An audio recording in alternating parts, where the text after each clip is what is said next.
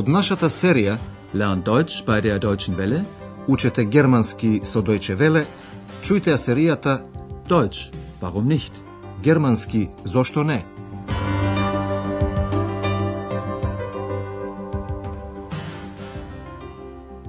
Liebe Hörerinnen und Hörer. Драги слушателки и слушатели, денес ќе ја слушнете 23-та лекција од четвртата серија. Минатиот пат ја слушнавте репортажата на Андреас за сојузната покрајна Тюринген, зеленото срце на Германија. Ich bin hier mitten im Thüringer Wald, im grünen Herzen von Deutschland. Андреас и Екс и денес се наоѓаат во северниот дел на Тюринген во планинската област Кифхойза, за која се раскажуваат многу бајки.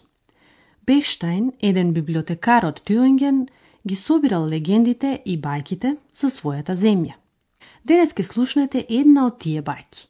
Таа зборува за германскиот цар Фридрих I, кој живеел во 12 век. Тој водел многу војни против Италија и италијанците го нарекле Барбароса, бидејќи имал црвена брада, Барт. Германците во тоа време толку многу го сакале што кога умрел не сакале да поверуваат во неговата смрт. Така настанал митот дека Барбароса се уште живее во една пештера под планинската област Кифхойза. Лекцијата има наслов Митот за Барбароса. Der Mythos von Barbarossa. Слушнете го сега првиот дел. Komm, Ex, wir gehen zur Barbarossa-Höhle. Oh ja, toll, eine Höhle. Die Heinzelmännchen leben auch in einer Höhle. Hm, aber Barbarossa lebt nicht mehr. Der ist schon über 800 Jahre tot. Die Heinzelmännchen aber nicht. Warum heißt der Barbarossa? Der heißt nicht wirklich so. Das war der Kaiser Friedrich I., den die Italiener Barbarossa genannt haben. Und was bedeutet Barbarossa? Roter Bart. Barbarossa hatte nämlich einen roten Bart. Und die Deutschen? Der rote Bart war ihnen egal. Sie haben ihren Kaiser sehr geliebt. Manche wollten sogar nicht an seinen Tod glauben. Sie glaubten, dass er noch lebt. Und die Leute, die das glaubten, sagten, dass er nur schläft. Da unten in seiner Höhle. Sie glaubten, dass er irgendwann wiederkommen würde. Wann denn? Екс многу се радува што Андреас сака да оди во пештерата на Барбароса. Komm, Ex, wir gehen zur Barbarossa-Höhle.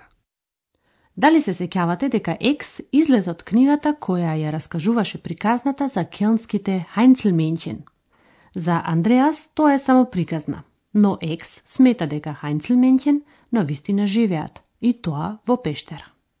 Oh ja, toll, eine Höhle. Die Heinzelmännchen leben auch in einer Höhle. Но Барбароса умрел уште во 1190 година, значи пред повеќе од 800 години. Aber Barbarossa lebt nicht mehr. Der ist schon über 800 Jahre tot. Екс прашува зошто човекот се викал Барбароса. Warum heißt der Barbarossa? Тоа бил царот Фридрих I, кого го викале Барбароса. Der heißt nicht wirklich so. Das war der Kaiser Friedrich I. Фридрих I водел шест војни против италијанците, затоа неговиот прекар е италијански. Андреас објаснува. Тоа беше царот Фридрих I, кого италијанците го нарекоа Барбароса. Das war der Kaiser Friedrich I., den die Italiener Barbarossa genannt haben. Екс сака да знае што значи Барбароса. Тој збор е италијански и значи црвена брада, рота барт. Царот Фридрих I имал црвена брада. Und was bedeutet Barbarossa? Roter Bart. Barbarossa hatte nämlich einen roten Bart.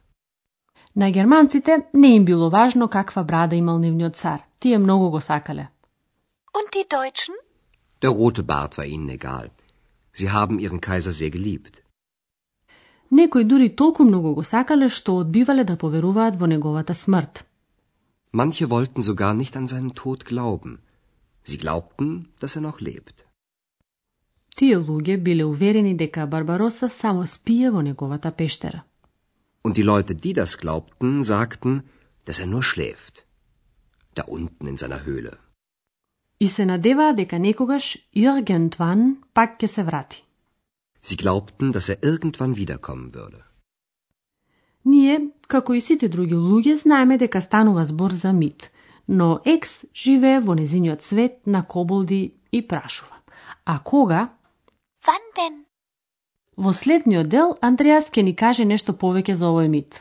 Тој ќе ја раскаже бајката, а Екс ќе слуша многу внимателно. Но за да ја разберете, ќе ви биде потребно да знаете уште три нови поими и тоа джудже, цверк, потоа гаврани, рабен, кои летаат, флиген, околу планината. Слушнете какви улоги игра джуджето и гавраните во легендата. Кајза Барбароса starb sehr plötzlich. Aber niemand wollte glauben, dass er wirklich tot war. Und so entstand ein Mythos, an den manche heute noch glauben. Tief unten in der Barbarossa-Höhle schläft der Kaiser noch immer. Sein roter Bart ist schon zweimal um den Tisch aus Stein gewachsen. Draußen fliegen Raben um den Berg. Alle hundert Jahre einmal schickt der Kaiser einen Zwerg aus seiner Höhle. Er soll nachsehen, ob die Raben immer noch um den Berg fliegen. Und wenn der Zwerg zurückkehrt und sagt, dass die Raben immer noch um den Berg fliegen, so schläft der Kaiser weitere hundert Jahre. Aber eines Tages wird Barbarossa, auf den man schon so lange gewartet hat, zurückkommen. Und alles wird wieder so sein wie früher. Андреас започнува да ја раскажува легендата, велики дека Барбароса ненадојно умрел. Kaiser Barbarossa starb sehr plötzlich. Во 1190 година Фридрих I, односно Барбароса, се удавил во близината на Ерусалим, кога сакал да го освои за христијаните. Но никој не сакал да поверува во смртта на владетелот, кого толку многу го сакале. Андреас објаснува. И така настанала легендата во која некои луѓе се уште веруваат. Aber niemand wollte glauben, dass er wirklich tot war.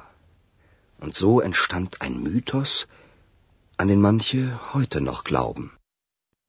Луѓето си замислуваат дека царот се повлекол во пештерата и дека спие. Tief unten in der Barbarossa-Höhle schläft der Kaiser noch immer. Исто така си замислувале дека неговата брада е многу долга. Неговата црвена брада е толку долга што два пати ја обвиткала масата од камен. Sein roter Bart ist schon zweimal um den Tisch aus Stein gewachsen. А надвор, околу планината, летаат гаврани. Draußen fliegen Raben um den Berg. Тие се од посебно значење за царот. На секои 100 години царот испраќа по едно џуџе надвор од пештерата. Alle hundert Jahre einmal schickt der Kaiser einen Zwerg aus seiner Höhle. Џуџето има задача да види дали гавраните се уште летаат околу планината. Er soll nachsehen, ob die Raben immer noch um den Berg fliegen. Ако џуџето го извести царот дека гавраните се уште летаат, тогаш тој продолжува да спие уште 100 години. Und wenn der Zwerg zurückkehrt und sagt, dass die Raben immer noch um den Berg fliegen, so schläft der Kaiser weitere hundert Jahre. Но една надеж сепак останува. Еден ден Барбароса, кого толку долго го чекаат, ќе се врати и се ќе биде како порано. Aber eines Tages wird Barbarossa, auf den man schon so lange gewartet hat, zurückkommen. Und alles wird wieder so sein wie früher. Но тоа е само илузија. А ние ќе ви ги објасниме релативните или односните реченици.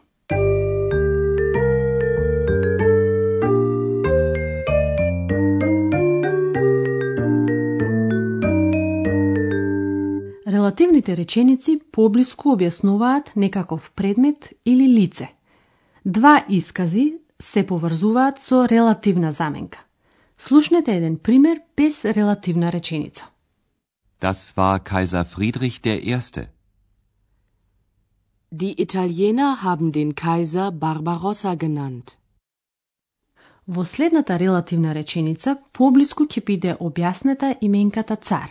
Глаголот во релативната реченица бара акузатив, значи den Kaiser, па затоа и релативната заменка мора да биде во акузатив. Кај именките од машки род еднина, релативната заменка гласи ден. Оваа релативна реченица ќе ја слушнете два пати. Das war Kaiser Friedrich I., den die Italiener Barbarossa genannt haben. Das war Kaiser Friedrich I., den die Italiener Barbarossa genannt haben. Слушнете сега еден друг пример, исто така во акузатив. Глаголот во релативната реченица е цврсто поврзан со препозиција. Например, glauben an.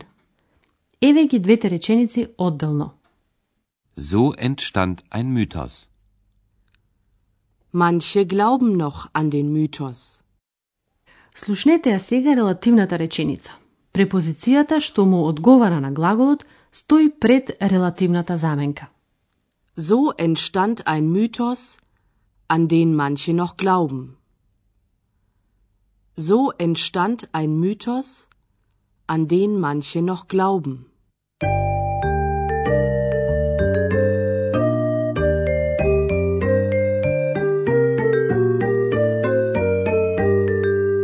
На крајот ќе ги чуеме уште еднаш разговорот и легендата. Седнете удобно и слушајте внимателно.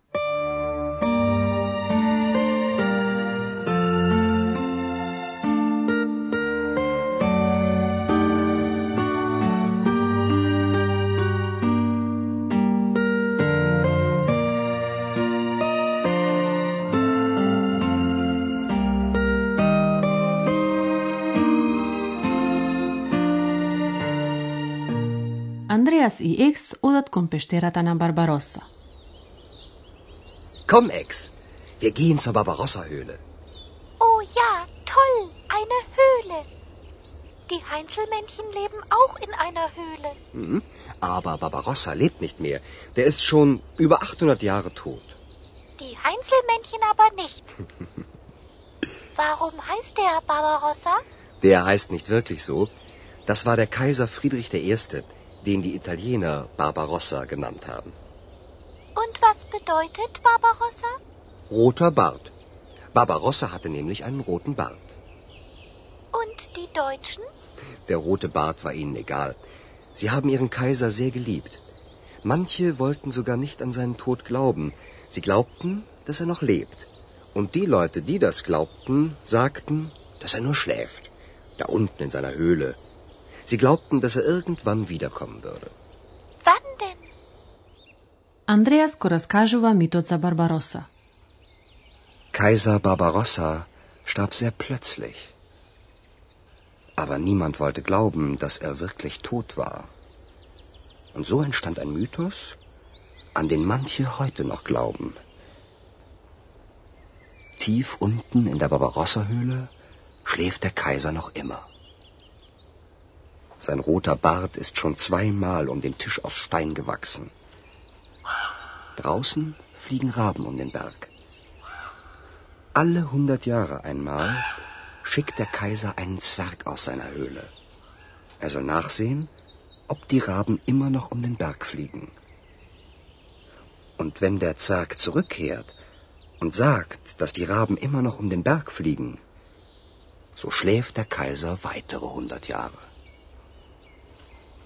Aber eines Tages wird Barbarossa, auf den man schon so lange gewartet hat, zurückkommen. Und alles wird wieder so sein wie früher. Тоа беше се за денес. И во следната емисија ќе останеме во Тюринген и ќе ја посетиме познатата тврдина Вартпуак. До следниот пат до слушање. Тоа беше германски Зошто не? Радиоговорен курс на Херат Мезе во продукција на Дојче Веле и на Гетовиот институт од Минхен.